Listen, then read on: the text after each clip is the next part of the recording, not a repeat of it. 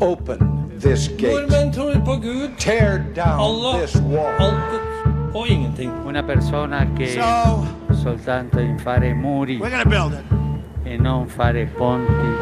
Neste stasjon er Drammen. Hei, og velkommen til Ypsilon-samtaler, en podkast fra Kirkelig dialogsenter Drammen. Navnet mitt er Ivar Flaten, og i denne episoden snakker jeg med Sajid Mukhtar. Han ble født i Tønsberg i 1977, men etter seks måneder flytta familien tilbake til hjemstedet i Gujarat i Pakistan, der han bodde de ni første årene. De kom tilbake til Drammen, og da han var 22 år, døde far plutselig, og han fikk veldig mye ansvar. Enda tyngre ble det da han som nygift 24-åring mista mor og ble eneforsørger for sine to yngre søsken. Sajid har vært aktiv i etablering av vårt dialogforum DOTL, og har stått ansvarlig for komiteen som har ferdigstilt den nye Jamia Drammen moské. Han er styreleder i denne krevende tiden, med alle utfordringer koronaviruset skaper. For noen dager siden starta den store fasten ramadan. Da drømmen om moskeen ble født, var den allerede bygget. Men det tok 37 år, sier Sajid Mukhtar. Sajid, veldig fint at du kunne ta deg tid denne søndagen til å prate med meg. Eh, hvordan går det med deg? Det går veldig bra med meg. Eh, Jeg har vært ute med sola i dag òg, så det, det går helt fint. Ja, og familien har det bra? Eh, Familien har det bra, og vi er stort sett ikke veldig påvirka av korona på noen negativ måte, unntatt de restriksjonene som er der. Ja. Mm. Nei, men det er bra. Det er godt å høre. Eh, Det er jo ikke så mye vi får gjort nå sammen. Vi skulle egentlig, faktisk i dag, så har vi gjort en avtale med at menigheten i Fjell skulle besøke moskeen. Ja, det, det stemmer. Og vi hadde jo egentlig begynt å planlegge litt, da, men så kom jo den eh, koronaen og ødela litt. Eh, Men vi skal ta hverdagen tilbake etter hvert, så da, dere, da er dere fortsatt velkomne. Ja, det, det blir veldig fint, for vi er jo naboer. Fjell kirke og, og moskeen, den nybygde moskeen som du er leder for, den ligger jo veldig nært. Så, eh, så, så vi har jo jobba sammen, og jeg har lyst til at vi kan spole tilbake igjen fra de første gangene vi møttes, og det var ikke veldig lenge etter at jeg kom til Fjell, tror jeg. Eh, For da var du ganske aktiv i det muslimske miljøet. Jeg tror til og med du satt i Islamsk råd en periode, stemmer det? Eh, ja, det, stemmer. Eh, Men jeg tror at jeg kom til Fjell ganske tidlig enn jeg ble aktiv. For jeg flytta inn til 87. Eh, Ja. Så det er nok en lenge. Og så begynte jeg å bli litt ungdomstida. Da begynte jeg å bli litt aktiv i organisasjoner. Eh, Men når vi ble kjent, da, eh, så er det klart da var jeg litt mer aktiv i den eh, islamske menighetene her. Mm. Men kanskje vi skal spole enda litt lenger tilbake, for i disse samtalene så, så er jeg jo interessert i å få et bilde av personen som jeg snakker med. Eh, og da starter vi grunnen helt ifra begynnelsen av, eh, med født, altså hvor du ble født en oppvekst og familie og sånne ting. Kan du ikke si litt om det Mm. først, Sajid? Det er riktig. Jeg skal si det jeg husker, for du sa jo jeg skulle være kommet uforberedt, så da er det fra husken nå. Ja, ja, ja, men det er bra. Perfekt. Eh, jeg er i utgangspunktet født i Tønsberg. Mhm. Og da var familien bodde i Sande i det området i perioden da. Så da, i 1977 så ble jeg født i Tønsberg sykehus. Mm. I tillegg så da var foreldrene mine i seks måneder før mammaen dro tilbake til, til Pakistan. For da skulle de okay. passe på foreldrene til faren min. Eh, for de bodde Ja. alene der. Ja. Eh, Så de første ni årene av livet mitt bodde jeg i Pakistan. Hatt eh, den første barndommen der.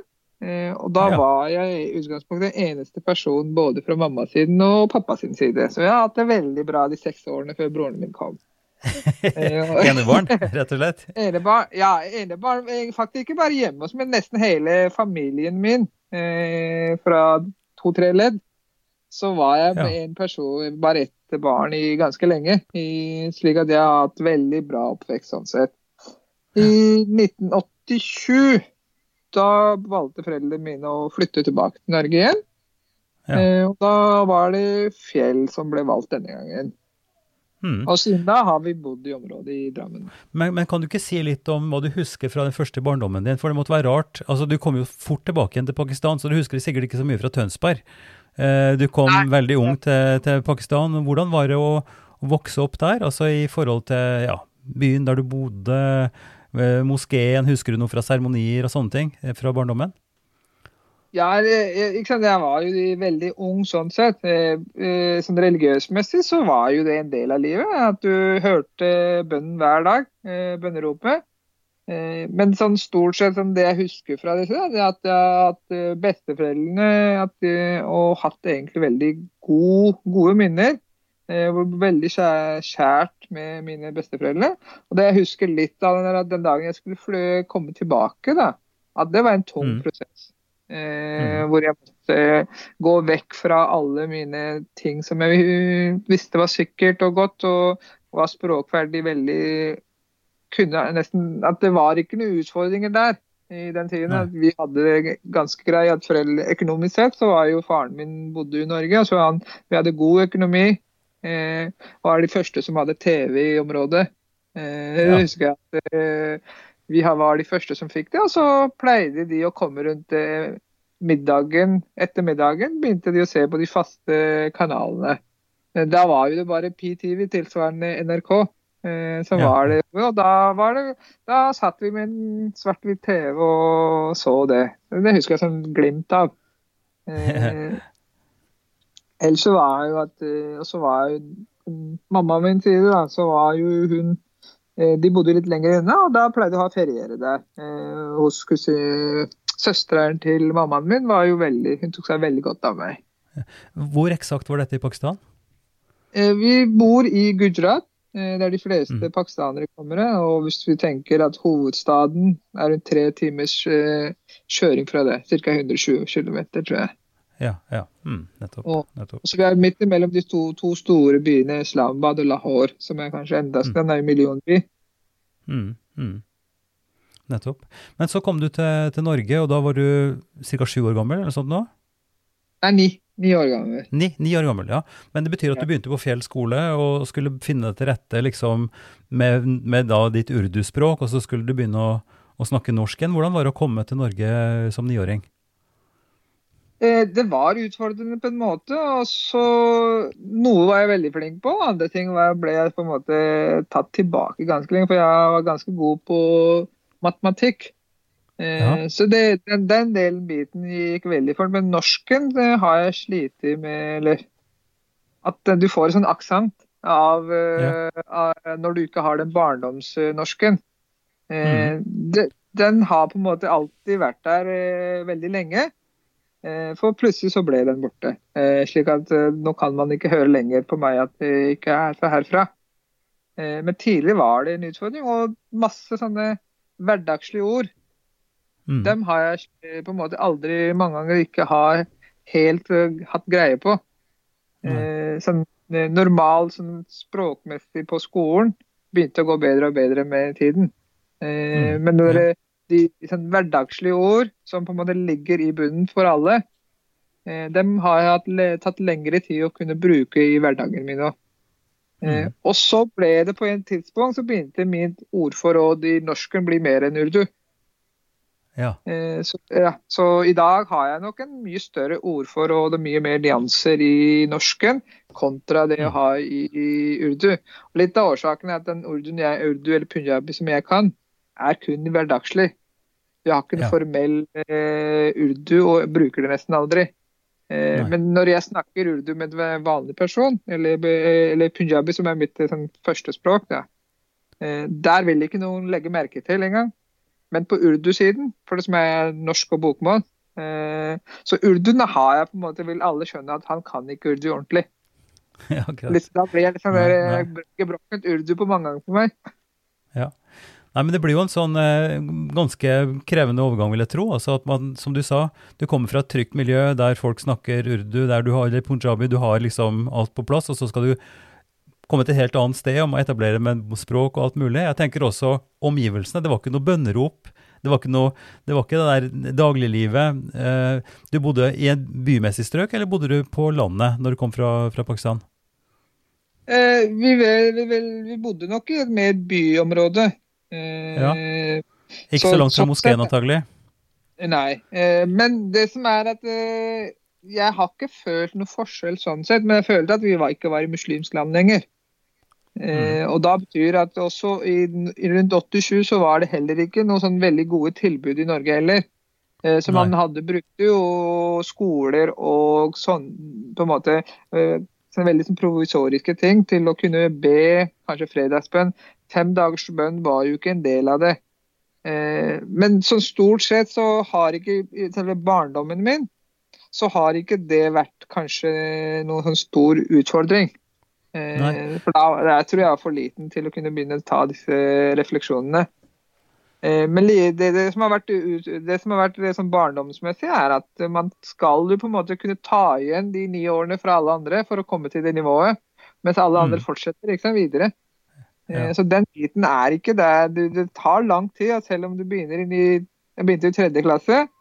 Eh, Mm. Og så for å kunne ta igjen de ni årene av livet mitt, eller norsken, da, eh, norsk Mm. kunnskap, eh, så tok jo kanskje tre-fire år. Men så hadde jo de andre barna gått forbi igjen.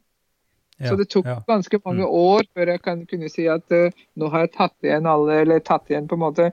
Eh, men karakterene mine begynte å øke eh, etter hvert. Ja. Så eh, jeg Mm. hadde i utgangspunktet veldig grei sånn, Den lærdommen som jeg hadde hatt i Pakistan, selv om den ikke er på norsk, så hadde jo den starta prosessen i, læreprosessen igjen. Eh, Men så du, sånn men, du har jo, men du har jo tatt det veldig godt igjen, må man si. Altså, du har solid utdanning, og du har, du har en flott jobb osv., så, videre, så det har gått veldig bra med deg. Men jeg kunne godt tenke meg å høre enda litt mer, eh, Sajid. eh, Fra, du sa jo at det var ikke noe moské å gå til. Eh, Dere gikk, eh, Brukte dere Fjell skole, eller hvor, hvor var det det samme når det var id-bønn, og når dere gikk til, til bønn felles? Eh, Det jeg husker fra den tiden der, så var jo Fjell skole som var en eh, rektor som hadde han, eh, Flatmark. Han hadde gitt Egil, ja. Egil rektor. E- e- Mm. Egil rektor, han var jo rektoren min, og så han hadde jo gitt tillatelse til å kunne bruke et av rommene til sånn felles eh, månedlig samling. Ja. Eh, det er den som vi pleide å ha. Eh, I Mm. tillegg så var det veldig lite med fredagsbønn, slik at den kontinuerlig var ikke noe der. Eh, så de som skulle, så måtte jo dra til Oslo-området. Mm. Så det var veldig lite av den biten der. Men id, som er jo dagen, da, da har jeg husker jeg at vi leide eller brukte Fjell skole som gymsal. Ja. Så det er Mm. den store samlingen som var der. I tillegg var det ikke så mange personer i fjellområdet, men jeg, jeg kunne kjenne alle. Den, den biten Mm. der hadde jeg i, i den området. I dagens samfunn så begynner det å bli såpass mange at man kjenner ikke alle. Men der hadde du den følelsen av å være en del av en gruppe. Eh, Mm. Selv om det var som at du hadde hele tida at vi ga hverandre For det som er veldig tradisjonelt, er jo at man gir fra seg eh, den dagen noen søtsaker. Lager noen des- dessert, og den, den skal jo man alltid gi Mm. I, i hverandre. Eh, Så den Mm. biten var. Vi fikk jo masse Og så bodde vi på fjell, så det var jo selv om det Og så var det jo masse folk i blokkene eh, som vi også kjente hverandre. Eh, selv, og der kan det være litt at den, på den tida der så var kanskje urdu enklere på mange steder eh, enn å kunne norsk òg. Mm, mm. Eh, det, som, det som er veldig interessant i, i ditt tilfelle, det er at du har fulgt uh, utviklinga uh, og, og hele den prosessen med, med moskébygget. Så det syns jeg vi skal snakke også en del om hvordan den utviklinga har vært. Men jeg har også lyst til å høre litt mer om, om deg og familien. For du sa du har en yngre bror, Rashad, som jeg er så Mhm. heldig å ha fått som ny nabo nå. Han har kjøpt nabohuset, det er jeg jo veldig glad for. Eh, men, men hva ellers med familien? For jeg tror det er slik at du mista faren din eh, ganske tidlig, stemmer det? Det stemmer. eh, For vi er, det, vi er jo tre søsken. Det er meg, Mm. broren min eh, Rashad og søsteren min Sumera. Eh, mm. Så i to i, Cirka i 2001 Nei, 19, ja, 2001 eh, så døde faren min ganske tidlig eh, av en Han fikk sånn hjernedrypp. Eh, Så han, Ja, ha- hadde ja. ikke, han hadde ikke noe tidligere historie om syke, sykeinnleggelser eller noe annet sykdom. Så det skjedde veldig plutselig. Han gikk på, faktisk, han gikk på denne Fjell skole som en bønn i ramadan. Eh, Mhm. og så fikk han dryppet i mens under bønnen. Eh, Mm. det, det ble jo stor sjokk for meg. Eh, sånn personlig hvor på en måte plutselig hele biten blir borte. Eh, en, stor, en trygg person som du har i livet ditt. Eh, og mm. han var på en måte veldig grei å ha med i hele livet mitt, eh, men plutselig blir han borte. For hadde han hatt en eh, sykdomsutvikling, så kunne man på en måte være litt mer forberedt. Ja. Så vi fikk jo veldig mye Så plutselig så ble jeg litt større hjemme. Du måtte ta mer ansvar. Måtte ta ansvar for mammaen min kunne ikke så veldig bra norsk. Eh, Så plutselig ble jeg også tolk og, og den type ting. Eh, Men det Mm. gikk egentlig veldig greit i den perioden der. Vi hadde eh, trygge forhold. Eh, Vi hadde jo en annen, annen familie her i området så vi det, Men så plutselig, etter to år igjen, så døde jo mammaen min òg. Hun var Ja. på ferie i Pakistan. Slik at den var nok en enda kraftigere sjokk for oss. eh, Både for meg og søsknene mine. Mm. Eh, plutselig var jeg både ansvar for, øh, for, eh, for meg selv, egentlig. Jeg var jo bare 24 år rundt der. Ja. Eh, Mhm. Plutselig så hadde jeg en bror som måtte jeg ta av, en søster. Eh, I tillegg så hadde jo jeg ny, eller nett, nettopp vært skift. I, slik at vi Jeg ble jo veldig, veldig stort ansvar for Maxe. Og så begynte jo Ja. det å gå Men det har, det har gått bra. Jeg har hatt veldig god støtte fra søsknene mine og ektefellen min, som har bidratt til den biten her. Eh, Men det er en ting som, jeg, som har vært veldig vanskelig for meg. Eh, Det var jo at plutselig hadde du ingen å spørre. Nei. Eh, Så lenge foreldrene du er her, så kan du gjøre nesten hva du vil, og bare spørre er det greit. Eh, Ja. Den svaret fikk jeg aldri fra noen lenger, ikke sant? For da måtte jeg bare Nei. spørre meg selv. Eh, andre kunne spørre meg, mine, mine søsken kunne spørre meg, ikke sant? For de hadde på en måte en Mm. farsfigur. Eh, de kunne snakke med meg, men jeg hadde ikke noe å spørre til. Dette er en Ypsilon-samtale fra Kirkelig dialogsenter i Drammen. I denne episoden snakker jeg med Sajid Mukhtar. Men, men hvordan var nettverket rundt deg, Sajid? Du, hadde du noen annen familie som kunne hjelpe deg på forskjellige måter, eller ble dere liksom helt, helt alene? Hvordan klarte du økonomien? Du studerte, det måtte være mye, mye å håndtere for deg? Eh, eller jeg var i utgangspunktet kommet til jobb den perioden der. Ja. Så, så, så sånn sett gikk jo økonomien eh, på plass.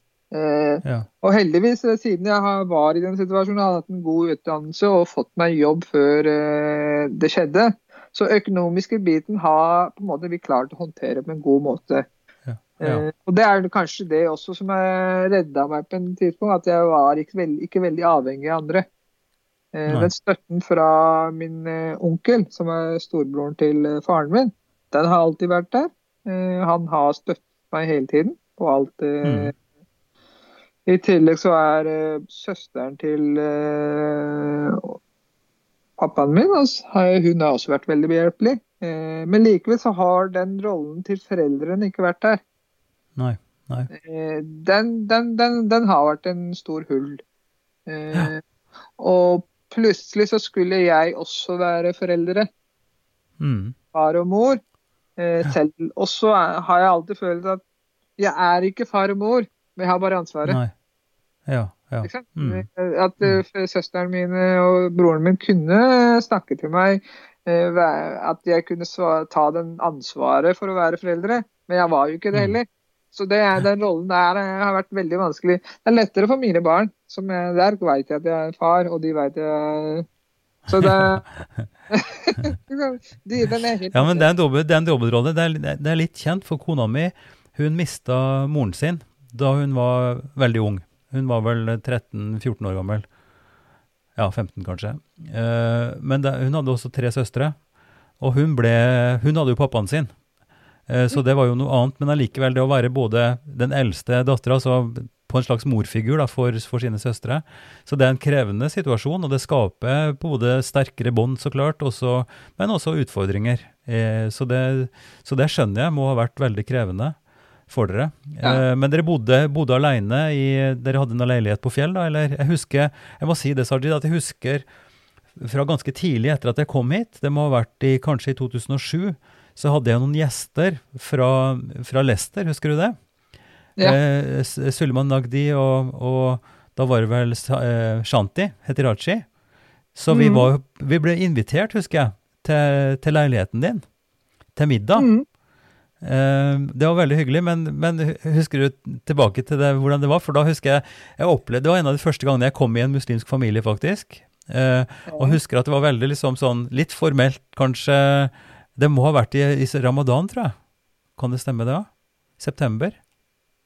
Ja, eh, nå husker jeg ikke hvilken, om det var de leilighetene eller var huset mitt. Eh, hvis det er 2007, så Nei, det var, i det, det, var, det, var, i- det var i fjell. Det var i en Ja, blokk på fjell. Ja, ja, Mm, ja, mm. når vi- I 2007 var, bodde vi på fjellleiligheten. Nei, Mm. det, det, det, det, den, den, det var jo litt formelt på, inni huet på meg òg. Eh, Ja. pluss, eh, liksom, da skjønte ikke vi så godt så hverandre. Eh, og spesielt når du har gjester fra en helt annet sted, spesielt en prest. Det var jo litt spesielt da. ja, ja. Eh, Så Men det er, det er jo litt sånn tradisjon. Vi må jo tenke at nå fra 2007 til 2007, nå er det 13 år, utviklingen gått videre. Eh, så, men det er noen tradisjoner i muslimske miljøer, eh, eller muslimer generelt sett, eh, at man er veldig atskilt fra hverandre. ja. Eh, slik at hvis man har en besøk som er til ektefellens eh, bekjente, så er det gjerne de som tar seg hånd av det. Mm, mm. Eh, og jeg husker at du kanskje tenkte på det at kona hadde lagd all maten. Det husker jeg du kommenterte, jeg var veldig glad for det. Mm. Eh, men det, det jeg kan skjønne i etterpåklokskap, at det at man ikke kjenner seg så godt, så blir det kanskje litt Mhm. formelt òg. Nei, altså formelt i en positiv forstand. Altså, for det, det var Ja interessant å bare oppleve hvordan familien var. At det var veldig, som du sier, adskilt. ikke sant? At, eh, at det var kanskje søstera di som, eh, som ordna med mat og sånt på kjøkkenet, og vi satt i stua eller, på kjøkken, eller i speisestua og sånt. Men det var, det, altså, det var veldig positivt. Jeg bare husker tilbake, det er mange år siden, altså 13 år siden, helt i begynnelsen av da jeg var prest her. Og fra da av så har vi også hatt kontakt i forbindelse med, med DOTL, altså dialogforumet som vi stifta etter hvert etterpå, ikke sant? som du også var med på. Så jeg har lyst til at vi kan si litt om det, kanskje. Eh, Ja. hva som, for, da, for da husker jeg at det var jo også flere det var, det var en litt annen organisering også fra deres side. For da husker jeg at det var eh, noe som het På rett vei. Mm. Eh, og, så, var det en, en annen forening, nå husker jeg ikke navnet på den, men det var Så dette har jo vært en historisk utvikling også. Så kom jo eh, Minhaj ul Koran inn i bildet. Eh, Mhm. Og så jobba dere sammen en periode, og nå er det eh, Jamia eh, Drammen moské som er på en måte etablert som organisasjonen. Men Vi bør ikke gå gjennom alt det, men hva var, grunnen, syns, hva var grunnen til at du hadde lyst til å være med og, og lage et sånt dialogforum? Husker du tilbake til det i, i 2007-2008? Nei, Det, jeg husker fra den tiden der, eh, er i utgangspunktet Det skjedde en spesiell eh, tilfelle i Pakistan. Eh, tror det var jordskjelvet der. Ja. Eller var det en annen? Ja. Nei, det var i 2005 eh, i Kashmir, ikke sant? Ja, ja, det var mm. den biten. Slik at det, det hadde skjedd en hendelse som gjorde eh, at vi kom sammen. Og seinere så var jo den karikaturtegningsepisoden eh, som Ja. var på en måte det som trigga hele DOTL. Eh, mm. og vi, vi som muslimer, eller på den måten, vi følte jo også en veldig sånn stor press. Eh, særlig når det skjedde så nært oss, særlig når det begynte i Danmark. Eh, og mm. kunne blusse opp i Norge òg. Så sånn sett var jo det veldig, sånn, veldig positivt at noen kunne på en måte ta biten fra den andre religiøse ting og føle det som en felles eh, standpunkt. Mm. Uh, og det tror jeg også var en starten på den dialogen som kom. At, uh, for vi, vi var jo veldig atskilte før det. Uh, at mm. man hadde jo en god, grei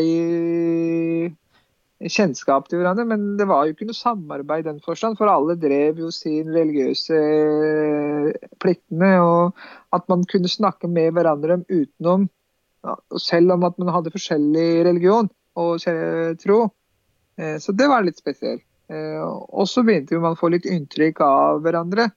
At det går an å snakke sammen selv om man tror på forskjellig. Mm. Eh, Og særlig når vi fikk den besøket fra England for hvordan de hadde klart å gjøre det i England. Eh, Det er jo det som starta hele prosessen. Og det jeg husker, er at vi, vi brukte jo ganske lang tid på å komme fram til noen sånn vedtekter og den biten hvordan dette skulle gjøres. Eh, og jeg husker mm. fortsatt det er sånn ordtak fra deg at man må skynde oss sakte. Eh, og det har, det har jeg lært i, veldig mye at eh, selv om man vil så mye, så er det nok at disse tingene veldig sånn Man bør bruke den de den trenger. Eh, og det, Mm. det rareste er man vet jo aldri når det er nok tid. Eh, Nei. Nei. Eh, og så var det en dilemma for oss òg. Eh, både at eh, hva kommer våre medlemmer til å si? Eh, at nå begynner dere å snakke med andre religioner. Skal dere bli kristne? Skal dere bli hinduer? Og kontra Mm. hadde jo dere tilsvarende utfordringer. Mm. Eh, men ettertid så har det vist seg at eh, vi, vi, vi klarte eh, å gjøre jobben på en veldig sånn, positiv måte. Og fortsatt Ja. i dag så er på en måte DHTL eh, sett på som en sånn positiv inspirasjon i hele området, egentlig. Mm. Ja, og det, jeg er veldig takknemlig for den innsatsen som du har gjort, og som, som du helt fra begynnelsen av var bevisst på, og at du også inviterte oss, og at vi snakka sammen med våre engelske gjester fra Leicester og, og med dere, og at dette har på en måte holdt seg gjennom åra. Så har det jo gått litt opp og ned. ikke sant? Vi har hatt forskjellige tilfeller, og det er veldig interessant å se hvor mye konflikter utenfra betyr for at vi søker sammen. Både fra Kashmir, ikke sant, da vi første gangen hjalp hverandre, og så med karikaturene, hvor vi kom sammen igjen og, og, kom, kom i gang med, med DHTL. Og så har vi hatt ikke sant, eh, angrepet i regjeringskvartalet og på Utøya, som også brakte oss sammen på en måte, der vi sto sammen mot en type ytre trussel. Så dette er jo en Altså, i gode dager så trenger vi ikke så mye. ikke sant? I gode dager da, da går ting greit, men når, det, når vi sliter og når vi trenger støtte, så søker vi sammen. Og det siste er jo da dere kom til Fjell kirke eh, i august i fjor, ikke sant? hvor dere skulle ha eh, id-bønn, og hvor dere ønska å, å komme til kirken fordi at moskeen ikke var helt ferdig ennå, og dere var ikke helt trygge på at det skulle være bra. Så alle de tinga er jo sånne små signaler, eh, Sajid, om at vi at vi, vi stoler på hverandre, at vi er i nærheten av hverandre, og at vi vil hjelpe hverandre. Så det syns jeg er veldig godt å se tilbake på også. Jeg, jeg tror den jobben som ble gjort i forbindelse med DHTL, eh, den har jo laget en grunnlag for eh, mange generasjoner, tror jeg. Eh, at den jobb, Den første gangen man går mot hverandre, eller snakker sammen, eh, er jo kanskje det vanskeligste. Eh, For da Mm. skal man bryte en ny Kanskje en, isen skal brytes ned. Og så, blir, så er det veldig mange Man har jo så mange krefter andre og alle veier. Eh, Jeg har, Mm. jeg har jo sett på at eh, mange likte jo ikke at eh, kirken gikk og snakka med muslimer og omvendt. Hvor de på en måte hadde egne agendaer. At dette kunne på en måte ikke være en del av eh, menneskeheten. Så den jobben som ble gjort der, har jo laget en, et lite sånn tre som har starta, som begynner å bli større og større. Uh, også de tingene du nevner, at disse ytre hendelsene har skjedd, det vil jo skje igjen. Eh, Men nå har vi gjort en grunnarbeidet, slik at vi alltid vet hvordan vi skal få det til. Eh, og Særlig det siste som du nevner, er at den, den angrepet på moskeen i Bærum eh, Det var jo en slik hendelse som skjedde, og det fikk jo store konsekvenser. Både mentalt og for Jeg husker at jeg satt i en arrangement hvor plutselig så hørte vi at det har skjedd noe angrep i Bærum-moskeen. Eh, og så begynner jo det for Etter hvert så skjønner jeg hvilken moské det er. Og jeg har noen bekjente som er i moskeen. Eh, og så begynner jo dette å gå, og særlig når man får disse samme assosiasjoner med New Zealand-angrepet. Eh, Mm. og, og dagen etter tror jeg var at vi skulle ha denne id-bønnen. Ja. Eh, plutselig så var vi en eh, stor utfordring. Hva skal vi gjøre? Skal vi stenge hele bønnen? Eh, for siden vi ikke var helt klare med den, og folk ble jo veldig utrygge eh, om vi Mm. kunne gå i den. Eh, men den, fra det til å bringe Fjell kirke Det var ingenting i, i hjernen som stoppa meg å ringe deg. For jeg visste at jeg kunne snakke med deg om det. Eh, og særlig når vi fikk lov til den biten her, at vi kunne komme inn og lese bønn. Eh, og, og så visste jeg at se, hvis vi fikk lov til å ha bønn der, så ville ikke mine medlemmer, mine felle brødre i muslimske grupper ville ikke reagere på det heller. Det er jo den biten som vi i samfunnet i Drammen vi har fått til. er at om vi går og ber på en uh, spesiell sted, går og ber en id-bønn, selv om det er i kirken, så er det ikke noe problem. Dette er en Ypsilon-samtale fra Kirkelig dialogsenter i Drammen. I denne episoden snakker jeg med Sajid Mukhtar.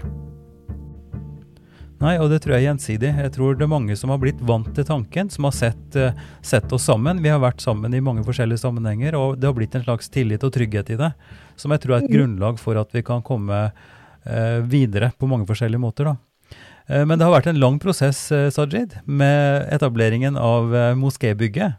Og Det kan vi ikke komme så mye inn på, men har du lyst til å si noe om det? Nå har du vært veldig aktiv i den siste fasen som leder for byggekomiteen, og du er også nå ny leder for, eh, for um, moskérådet, eller for, for styret.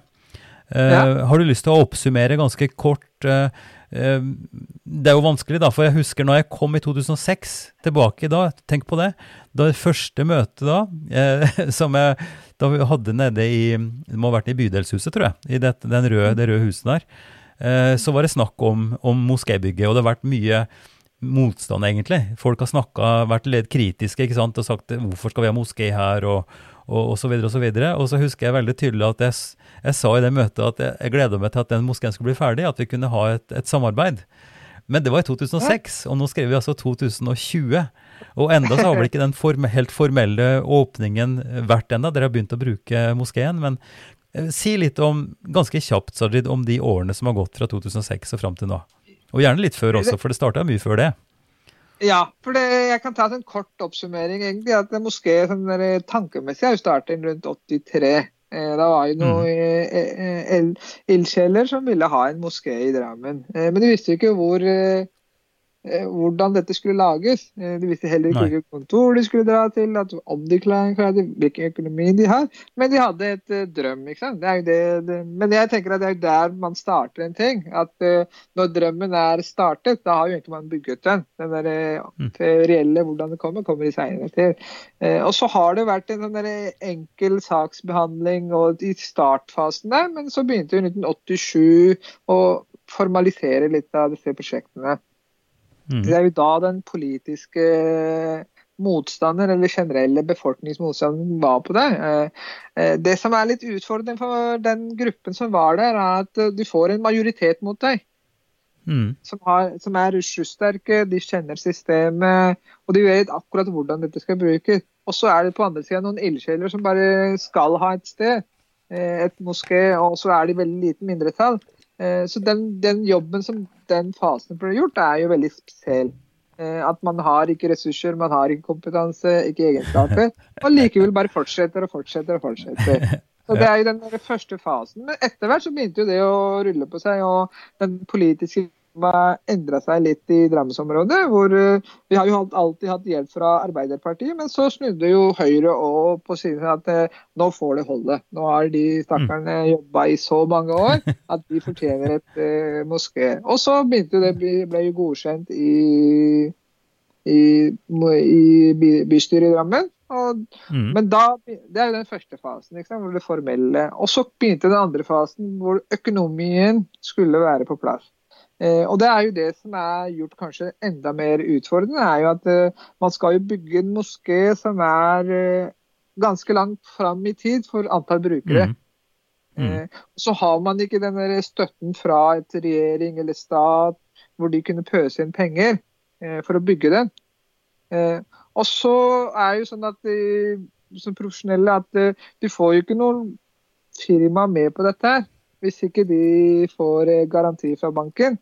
Så der har vi jo brukt mange år. Og så mm. begynte i liksom 2009-perioden, da begynte folk å si at nei, nå skal vi bygge. Og så gikk det nesten 20 ildsjeler som sa at vi kan være med på å gi 250 000 kroner per stykk wow. hvis, dere, hvis, dere, starter. Det var jo kravet, ikke sant. Eh, mm. Men likevel, selv da var det ikke nok penger til å kunne be en leverandør å komme inn, for det var, holdt jo ikke. Men så var vi heldige at vi fikk en leverandør som sa at jeg bygger, og så betaler dere. Og så begynte det til å starte. ikke sant? Eh, og heldigvis så har det Selv om det er dyrt å være fattig, som du sier, og det, mm. det, har vi hatt flere episoder at vi har kanskje brukt noen ganger litt mer penger enn vi om vi hadde hatt en større profesjonell part. Men sånn har det Mm. gått hele tiden. egentlig, at man på en måte, Noen ganger så var det ikke nok penger, så stoppa vi arbeidet. Andre han utførte arbeidet, og vi hadde ikke noe penger. Eh, men etter hvert eh, Og så tror jeg at det skjedde noe i andre fasen her eh, på slutten av det at eh, jeg tror generell økonomien til Norge ble så bra Mm. at det hjelper også oss. ikke sant? At vi har en Mm. følelse av at våre medlemmer eller muslimene i området har, har dratt godt nytte av den generelle økonomiske forbedringen. Mm. Og i den siste fasen som vi nå er i, ja, hvor vi bygde nå, hvor moskeen eh, er 99% ferdig, vi har noe utsmykning jeg som er igjen, før den formelle kommer på plass, at i dag har vi nok en større økonomisk base som gjør at vi er trygge på å kunne bygge. Eh, Men hvis du tenker helheten, da, det jo, vi har jo rundt 500-600 medlemmer, la oss si 200-300 ekstra da, som ikke er medlemmer, som også har gitt. Eh, Og Mm. dette er inkludert barn. Eh, Mm. At de klarer å bygge en moské til 25 millioner kroner, det er en liten mirakel i seg selv. det. Det er jo ganske fantastisk. Det, det er helt utrolig. Det er morsomt, da, for at vi har litt sånn parallelle historier. Fjell kirke ble bygd i 1984. Ja. Eh, og da var det også nokså mye motstand. Da var det mange som gjerne ville ha et, et samfunnshus på Fjell istedenfor en kirke. Men da var det veldig mange aktive også, sånn som det har vært hos dere, som, som gikk inn og jobba og samla inn penger og holdt på. Hadde gudstjeneste på skolen, på tomta. Og, og så ble kirka bygd da i, i, innvia i 84. Eh, og det var jo omtrent på den tida også at de aktivistene deres begynte å tenke. Så nå er vi snart ved veis ende, etter snart 40 år, kan du si, av arbeid og, og samarbeid, og etter hvert også en del kontakt, at vi kan ha to bygg eh, som på hver sin måte samler folk til bønn og til aktivitet. For det er jo ikke bare, jo ikke bare bønn vi samler til, vi samler også til samfunnsinnsats og til fellesskap og til å kunne stå sammen, sånn som vi, vi har snakka om det.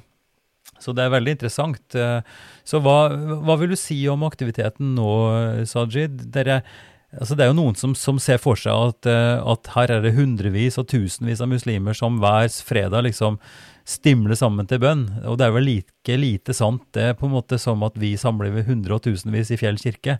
Vi er en liten gjeng som samles, og så, og så er det mange som kommer til julaften og, og til id da for dere.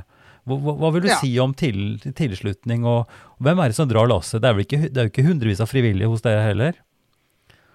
Eh, det, som, det, det, det, som er eh, at eh, nå, nå har vi jo litt bedre økonomi. Vi har jo tatt opp et lån fra bank. den, det- men vi trenger jo ganske mye penger for at dette skal kunne holdes i gang. Vi har en ansatt som er imam. Men stort sett det vi satser på nå, da, er jo at vi skal ha månedlige innbetalinger. Eh, og, Mhm. det, og stort sett er det for, fortsatt folk fra Drammensområdet som gir den biten. Mm. Den der daglige inn, innsamlingen er veldig lite av. Mhm. Og vi får noe igjen på fredagsbønn. Men det, jeg tror at den der befolkningen vår som, som tidligere har gitt, ser jo at de pengene som er gitt, er brukt til noe fornuftig. Mm.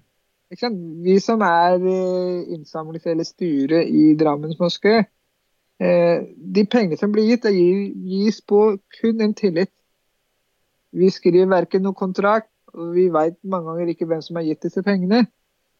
Så det vi skaper av selve moskeen, den tilliten der, vi kan ikke måle dette her. Eh, Det er ingenting som tilsier at, eh, at vi kan overbevise. Ja, det eneste han som har gitt penger, han skal tenke har de gjort noe fornuftig i forhold til det jeg tenkte? Og jeg vet jo ikke det. og Derfor er det viktig at vi som en moské skal ha en rolle som er den tilliten verdig for våre medlemmer, og generelt også vår Drammensbefolkning. Eh, Så Vi er jo ikke bare en del for muslimene, vi er drammensere, vi er nordmenn.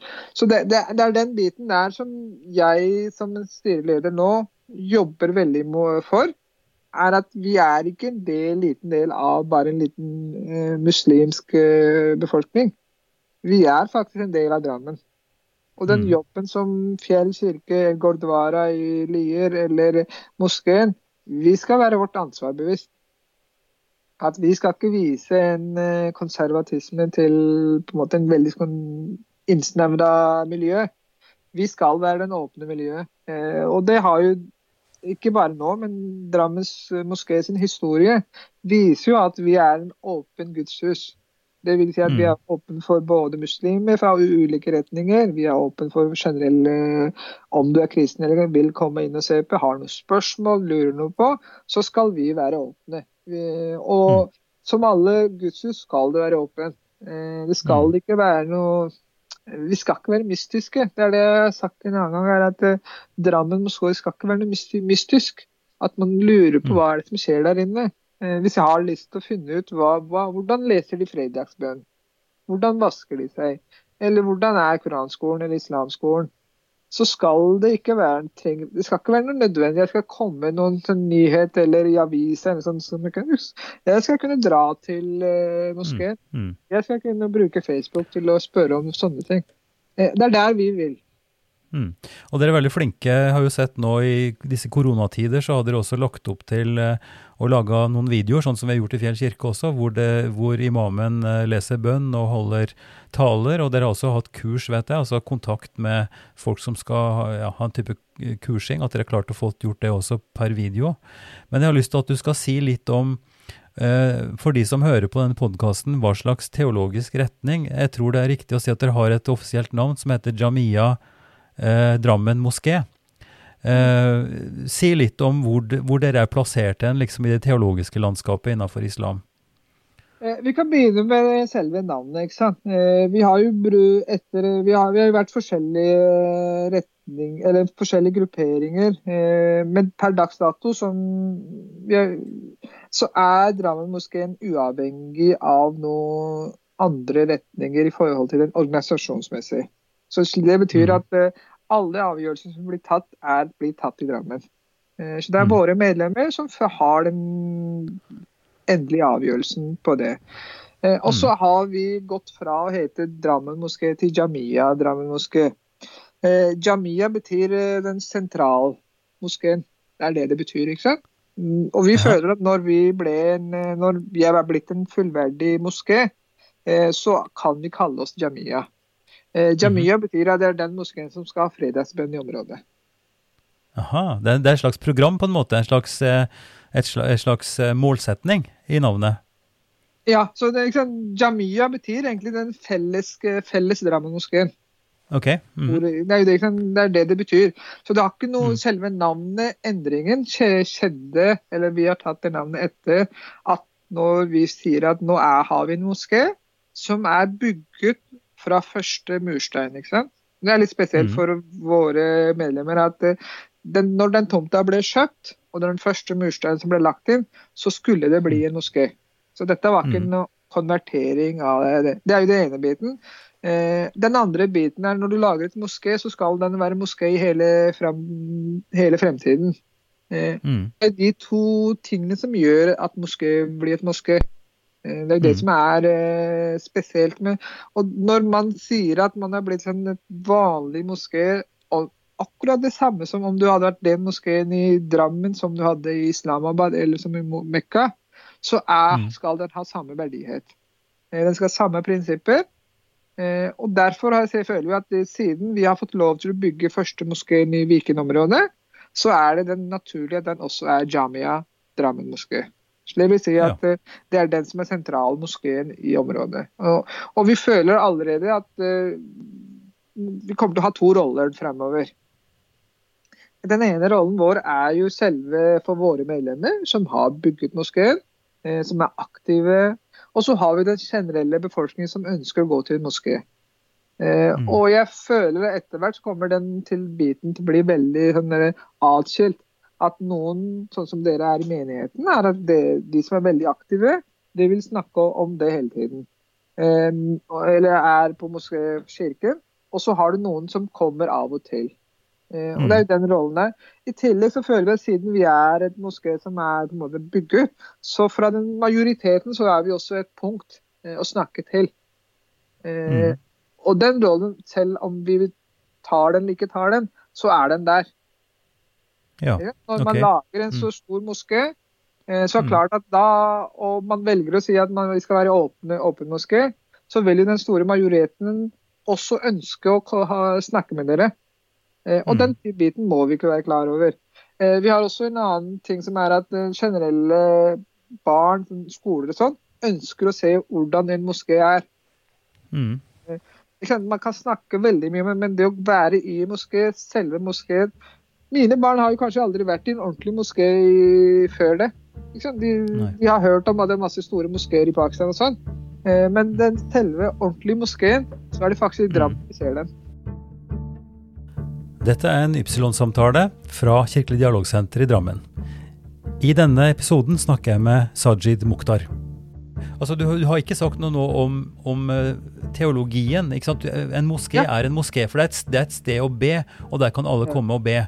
Og der kan også i prinsippet kristne komme og, og sitte, ikke sant? Og ikke, en vil jo ikke da be på en muslimsk måte med, med prostrasjonen og, så, og sånt noe, men å kunne sitte der og være der er et åpent sted. Men, men det er også en type forkynnelse. ikke sant? Det er en måte å, å, å lese skriftene på. Det er en måte å, å, å, å, å på en måte formidle den muslimske teologien på. Og hvor vil du si, kan du si noe veldig kort om det? Er dere en konservativ moské? Er dere en, en liberal? Hvilken lovskole følger dere? Videre. Det er noen som vil være Ja. interessert i å vite det. Ja. Det er jo to hovedretninger i islam. Den ene er shia, den andre er sunni. Eh, Ja. Mm. Og så Vi er jo den der sunni-retningen, som er eh, Mhm. majoriteten. Mm. I tillegg så er det fire lovskoler i, Mhm. I Så vi følger den som heter Hanfi. Hanafi. Ja. Mhm. Det vil si at det, er den- det er den som er mest utbredt. Eh, og mm. den har jo mest nærmere profetens tid òg. Eh, så vi, vi følger den der, Hvordan eh, teologien følges, er den Hanfi-skolen. Eh, og Mhm. hvor vi ligger mellom konservativ og liberal, så vi ligger nok i midt imellom. Eh, at Mhm. vi, vi, vi er nok den som er majoritetsreligionen i Pakistan. Eh, Mhm. Slik at vi vil eh, bli kanskje nærmere sufismen eh, enn konservatisme. Eh, Mhm. Så vi ligger nok midt imellom. Eh, og så har vi noen retninger som er mer konservative, som har fått ny At man går veldig mot å bli dyrke sin egen religion. Eh, men vi føler at vi er en del av samfunnet, og samfunnet, og vi må pla- finne vår plass. Vi skal kunne få leve etter våre retningslinjer. Eh, og når det er religionsfrihet, så er det ingenting som stopper oss der. Eh, men vi skal ikke på en måte innsnevre mer enn det heller. Nei. Eh, og så er det veldig interessant den ambisjonen som dere har med å si at det er en jamia, en hovedmoské. Hvordan vil du føle det i forhold til alle de andre? For det er jo mange forsamlingslokaler og mange andre moskeer i Drammen. Både også som dels er, etnisk baserte. ikke sant? Vi har somaliske samlinger, vi har tyrkiske, vi har kurdiske osv. Så, videre. så hvordan ser du for deg samhandlingen? Altså Det er jo litt det samme som vi har på kristen side. Vi har Den norske kirke, vi har pinsebevegelsen, vi har, vi har baptistene, vi har eh, osv. Vi har mange ulike retninger. Hvordan eh, og, og vi kan kanskje si at Bragernes kirke på en måte da, ikke sant? det er hovedkirken i Drammen. Det er den største kirken. Eh, Men, men det betyr jo ikke at alle andre går i den kirken. Eh, Går det an å sammenligne litt sånn? Altså Er Jamia det som er deres fra grunnen av bygde moské? Ser du for dere at alle andre skal komme og be der, eller hva slags rolle vil dere ha i forhold til de andre moskeene og Eh, trossamfunnene innenfor islam? Ja, nei, Vi har ikke noe sånn formelt eh, hovedbit der. Eh, men det vi ønsker, da, er at eh, siden vi er de eneste moskeen som er en eh, moské som er bygget etter eh, alle prinsipper, eh, så får vi en rolle automatisk. Og den rollen Mhm. er at særlig de Vi har jo sånne små muslimske foreninger som har ikke noe lokaler, f.eks. Mm. De har ikke mulighet til å kunne holde begravelser og den type ting. Bryllup og dåp eller tilsvarende Mm. vi har hos oss. Eh, så det betyr at hvis noen vil Vi hadde eksempel at eh, afghanske brødrene våre har ikke en sånn såpass stort nok plass at de kan holde id-bønn. Nei. Så, eh, så hadde vi aldri, vi hadde begynt å snakke litt om om de kunne få lov til å bruke moskeen samme dagen. Etter oss eller mm. før oss. hvordan det er som praktisk. Mm. Så kom jo koronaen som ødela litt der. Så det er jo sånn vi tenker at vi skal være en del av paraplyen. Eh, Mm. og så er det klart at det går jo mot en eh, retning at større enheter har større å si. Eh, og de vil kunne på en måte Jeg tror at eh, vi ønsker at vi muslimer skal bli felles, gå mot en felles retning. Mm. Selv om det kanskje ligger ganske mange år fram i tiden. At eh, vi som et stort moské skal være et paraply rundt av andre Mm. foreninger. Eh, og det er klart at det er jo ambisjonen vår. Eh, og vi har ikke noen andre hensikter med det heller. Eh, vi har det egentlig veldig bra. Eh, Men likevel så er det sånn at eh, man har jo aktive foreninger. Og så er det en veldig mange muslimer som er på en måte ikke aktive i noen foreninger heller. Mm. Eh, og de vil trenge hjelp til spesielle begivenheter. Eh, vi Mm. hadde jo en eh, begravelse allerede, hvor en person Mm. døde av en ulykke. Eh, men den, og så måtte de ha hjelp til eh, alle ritualene på flyet. Eh, vedkommende var ikke medlem av oss direkte, men Nei. følte at den siste tids ritualer burde være i moské. Ja, ja. Mm. Da gjorde vi det vi kunne. Og uten noen form for noen formaliteter, så fikk de lov til å bruke moskeen sånn som ville. Mm. Ja, veldig bra. Eh, tida går veldig fort når vi snakker sammen, eh, Sajid, så vi har ikke så veldig lang tid igjen. Men, eh, men jeg har også lyst til å si litt om, om språk. For dere eh, i moskeen så er jo, og, og, og islams språk er jo arabisk, det vet du jo. Koranspråk er arabisk, man ber på arabisk. Men det er også en skikk av at man kan, når man holder en preken, eller når man driver opplæring om innholdet, at man da bruker det lokale språket. Hva slags ambisjon har dere på at, at en nordmann som, kan, skal kunne, som ikke kan ur- urdu, eller ikke arabisk, skal kunne komme til moskeen og få, få en fredagspreken som jeg kan forstå? Hvor langt fram i Mm. tid vil det være for deres moské? Eh, Det som er, vi, vi har jo en ambisjon å kunne holde prekener på norsk språk. Men siden vi har nettopp åpnet opp, så har ikke fredagsbønn i den vanlige fredagsbønnen tatt seg noe hold ennå. Men det vi føler, er at eh, ideelt sett så vil det være norsk som et språk. Eh, som er veldig Men det som er litt utfordringen, er at eh, når man tar et språket norsk som en teologi og holder preken, så er det veldig mange som, av de som fremmøter, vil ikke kunne forstå det. Eh, så det er en dilemma vi sliter med. Og så er det samtidig at eh, når vi tar det på urdu, så er det yngre generasjoner som ikke forstår det. Pga. ordforrådet er ikke der nå. Eh, så Mm. ambisjonen vår er at vi skal holde i hvert fall to fredagsbønder. Ja. Ene, ja, så ene blir holdt for den majoriteten av medlemmene som forstår urdu. Og så har vi den andre på norsk. Eh, og den kommer nok eh, Vi hadde egentlig planer allerede nå, kommer veldig kjapt med den for å få se. Mm. Fordi de av våre medlemmene som ikke er eh, pakistanere, det begynner jo å bli en del av siden vi er i moské nå, Mm. Mm. de forstår ikke den preken heller. Nei.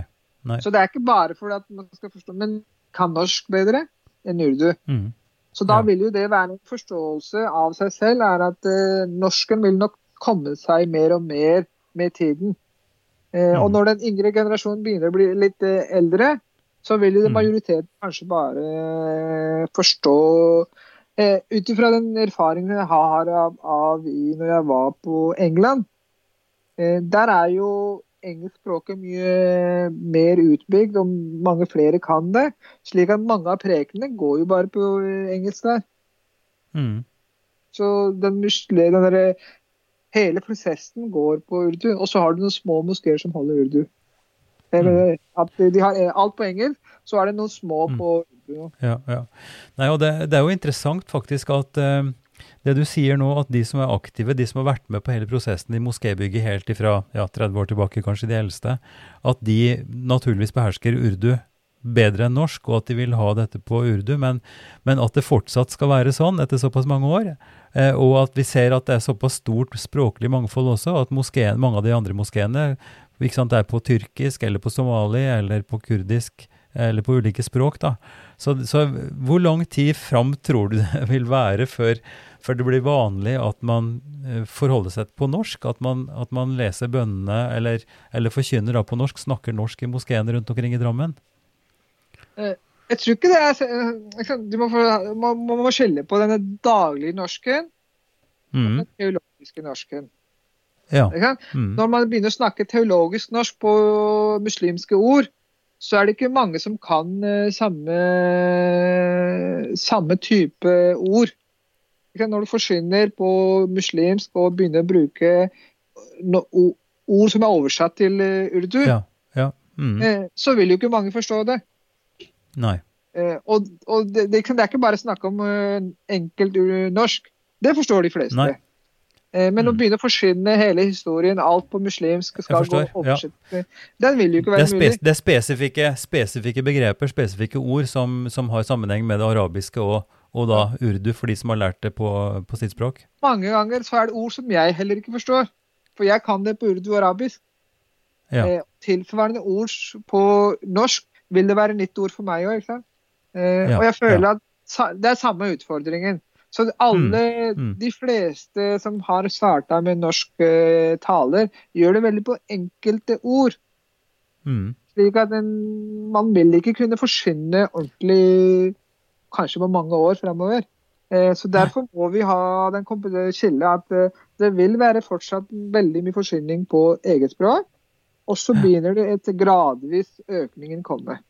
Eh, Mm. og vi har allerede start, hadde planer allerede at vi skulle ha to juma, eller fredagsbønn, hvor den ene Mm. skal være på urdu, den andre skal være på norsk. Og den, den skal fange opp både ungdommer som er eh, på en måte mer språkferdige i norsk, pluss andre Mm. språklige enn urdu. Ja.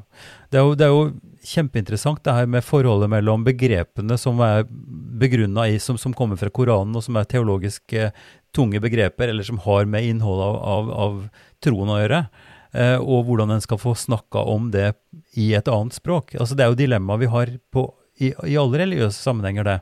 Å forklare teologiske begreper i et forståelig språk, i et norsk språk, eller da i, et, i det lokale språket.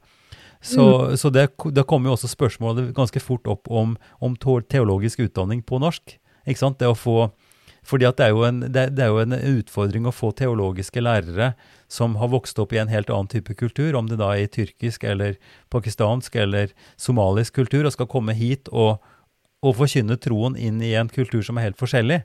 Så når, Det er jo et annet spørsmål som da blir interessant. Når kommer de første norske koranlærerskolene, altså teologiske, islamske teologiske skoler i Norge? Det er også et interessant spørsmål. Den, den, den biten tror jeg er litt langt framme ennå. Eh, litt av Ja. årsaken er jo at eh, først og fremst så er det veldig lite imamer som er utdanna i Europa. ikke sant? Og så er det veldig lite som ønsker å utdanne seg som er generelt norske. Mm. For eksempel, det, det er, siden det ikke er noe skole, så får man ikke elever heller. Og har man Mm. ikke elever, så får man ikke skole. Ikke? Det er en sånn eh, dilemma der. Eh, Mm. og så er det at eh, nå har vi begynner vi å få noen nye, yngre som her går til England for å få eh, imamskolen. Slik at de Mm. vil jo få litt av den biten som vi ønsker her. Eh, Mm. og så er det sånn at eh, organisasjonene i Norge er jo en fase som jeg sier at eh, de er i bygningsfase, hvor, hvor de skal bygge moskeer. Nå er moskeen mange steder bygget, og så skal begynne lånene å nedbetales. ikke sant? Så Mm. når, jeg tror at når den økonomiske biten med nedbetaling og prioritering med bygningsfokuset blir litt borte, Mm. da har man mulighet til å begynne å tenke på ting som eh, eget islamskole. Eh, og så er jo det hvordan man skal få dem alle til fellesskole. Ikke sant? Mm. Det er så, selv om det er lite folk i muslimer, men du har jo alle retningene fra islam her. Så alle Ja, er jo ikke fra ja. Pakistan eller Irak eller Nei, Somalia. nei. Nei. Det er så mange forskjellige nasjonaliteter, og innenfor Ja, disse nasjonalitetene igjen så mange forskjellige retninger. Slik at hadde alle, alle utlendinger vært pakistanere her, så hadde det ikke vært vanskelig å få til eh, eh, skole her. Siden selv Norge er en lite befolkning, men de har alle varianter. Det er Mm. det som er litt utfordringen, er at eh, selv om du hører at eh, hvorfor kan ikke de bare lage skolen? Nei, det går ikke pga. det er så mange retninger innenfor dette her. nei. Akkurat som alle andre religioner. Hadde alle Mm. vært fra samme sted og samme bydel, Ja. så hadde ikke vært nei, men ikke sant, det, det, dette er jo kort sagt og veldig godt illustrert hva som også er grunnen til at vi er nødt til å holde fast i viktigheten av å snakke sammen. At vi kan være sammen og kunne klare å snakke med hverandre, sjøl om vi har nokså ulike eh, standpunkter. Og jeg har jo erfart at det kan være mer krevende å snakke med kristne som har andre teologiske retninger, enn med muslimer. Altså, Noen ganger så kan vi to snakke lettere sammen enn det er for meg å snakke med noen om det da kaller de veldig konservative eller veldig spesifikke kristne retninger, som er veldig skeptiske sant, til å snakke med muslimer. Poenget mitt er bare at i det at vi er forskjellige, og at vi tror forskjellig, at vi har forskjellig teologi, at vi har forskjellig religiøs praksis, det i seg sjøl eh, driver oss mot det å si viktigheten av dialog. Altså at vi må kunne være venner og snakke sammen og, og prøve å forstå hverandres synspunkter, sjøl om vi ikke er enige. Ikke? Dess større spredning, dess større ulikheter som fins, dess mer interessant blir det jo, men også mer krevende hvis vi bare snur ryggen til hverandre og si at nei, vi kan ikke snakke med andre enn de vi er enige med. Så, så, dette er jo det beste eksempelet Sajid, på at vi må faktisk være enda flinkere til å snakke sammen og brukes våre hus, deres moské, vår kirke, eh, tempelet, ikke bare til våre egne, men også i en type ambisjon om å, om å, snakke sammen på tvers. Så jeg håper at vi kan fortsette med det. Det skal vi gjøre, Ivar. Eh, og, som du sier, at det er lettere å snakke med når vi er eh, på en måte teologisk veldig fra hverandre. Og kanskje det er vanskelig å snakke med en som er nesten samme som deg. Mm, ja. den, den, den, biten er der. Eh, men likevel så tror jeg litt med det er flere Alt er jo veldig komplekst, men det er jo flere faktorer som gjør Og litt av personlighetene. Det er jo mm. De personlighetene som er på den biten som ønsker å snakke med hverandre, må også tørre å komme frem litt. Det er mm. der mange ganger vi biter at de som er veldig konservative og veldig sånn, skarpe i tonen sin, de, de, men de er lettere for å komme frem. Eh, fordi på en måte så er de ærlige mot seg selv, at de sier det de mener. Mm. Selv om de, vi kan mene at det er feil, så er de mer på at det de mener, så vil de fram. Mens vi som er kanskje litt mer moderate, og vi tenker oss at uh, vi holder oss litt eh, hjemme òg. At vi, vi, vil ikke bruke tid på å få den moderate meningen fram. Nei, eh, og der er det kanskje en utfordring for mange at uh, ytterkantene styrer jo på alle faser. Liksom. Den store mm. majoriteten Eh, er veldig sånn avslappet. At nei, hvorfor skal vi fram? Hvorfor skal vi hele tida bruke så mye tid på dette? Eh, de andre mm. kan bruke det når vi andre det. Men jeg tror at Og det er jo den der jobben som ble gjort av DOTL og andre fellesskap, at den tiden må brukes på dette her. Mm. Og ambisjonen min som en tidligere er at vi må føle oss som en del av samfunnet som vi bor i. Eh, og vi må føle at vi er også en del av dette. Det er vi som bestemmer over Drammen. Eh, og vi skal være med og si vår del av i den biten. Demokratisering er jo, jo veldig bra. Eh, sånn sett. Og, og, det er det jeg sier at så lenge ikke vi muslimer eller vi pakistanere, vi nordmenn eller uansett drammensere ikke er aktive og, blir, og føler at vi er en del av dette her, det er vi som på en måte, Og vi må si vår mening fram. Om det ikke blir godkjent eller ikke kjent, det er jo en annen ting. Men uh, i hvert fall si fra hva meningen din er. Mm. Dette har vært veldig både interessant og hyggelig, Sajid. Eh, vi kunne ha snakka om eh, cricket. vi kunne ha snakka om finansarbeid, om bankarbeid. Vi kunne ha snakka om politikk. ikke sant? Fordi det er, mange aspekter i ditt liv som vi ikke har vært inne på nå. Men det må nesten utstå til senere, for nå har timen vår gått, og vel så det. Så tusen, tusen takk for en veldig hyggelig samtale. I like måte, Ivar. Det var veldig hyggelig å snakke med deg òg. Og man får jo litt sånn refleksjoner av livet sitt når man snakker såpass lenge om seg selv. Eh, så det, det er jo veldig fint. Og sånn tror jeg alle flere som de som hører på òg, burde tenke at å reflektere om seg selv. Eh, jeg tror at vi mister den litt biten, og man tenker alltid fremover. Vi skulle hatt noen øyne som kunne se på oss selv hele tida. Vi ser jo bare frem mot andre. Eh, men jeg tror at eh, en godt tips til alle er å ha en refleksjon over seg selv. Eh, den biten har hjulpet meg veldig mye i livet mitt. Og vær litt ydmyk i livet. Mm. Alle, har, alle gjør det beste de kan, så går det bra til slutt. Ja, ja, det får vi si. Og vi får si det også nå i koronatid. Det går bra til slutt. Takk for praten, og ja. ha det riktig bra like måte. Ha det bra. Takk for at du lyttet til Ypsilon-samtaler. Mer informasjon om podkasten og hva vi driver på med, det finner du på www.ypsilonsamtaler.no. Der finner du også en kort presentasjon av alle samtalepartnere og lenke til episodene. Du kan også søke på Ypsilon-samtaler på din podkast-app og abonnere på podkasten. Vi er svært glad for tilbakemeldinger og forslag som du kan sende til Ivar, krøllalfa, kirkeligdialogsenter.no. I den neste episoden møter vi Manuela Ramin Osmundsen, som ble født i Paris, men hadde de aller første barneårene sine hos sin bestemor på Martinique, der familien er fra. Hun er stolt over sin karibiske herkomst. Manuela er utdanna jurist og praktiserte som advokat i Frankrike før hun flytta til Norge i 1991. Og her har hun jobba med inkluderingsspørsmål i ulike posisjoner det meste av tida. Manuela er nå kommunaldirektør for arbeid og inkludering i Drammen kommune. Ypsilon-samtaler er støtta av Drammen kommune og Barne- og familiedepartementet. Ansvarlig utgiver er Kirkelig dialogsenter Drammen, ved daglig leder Ivar Flaten.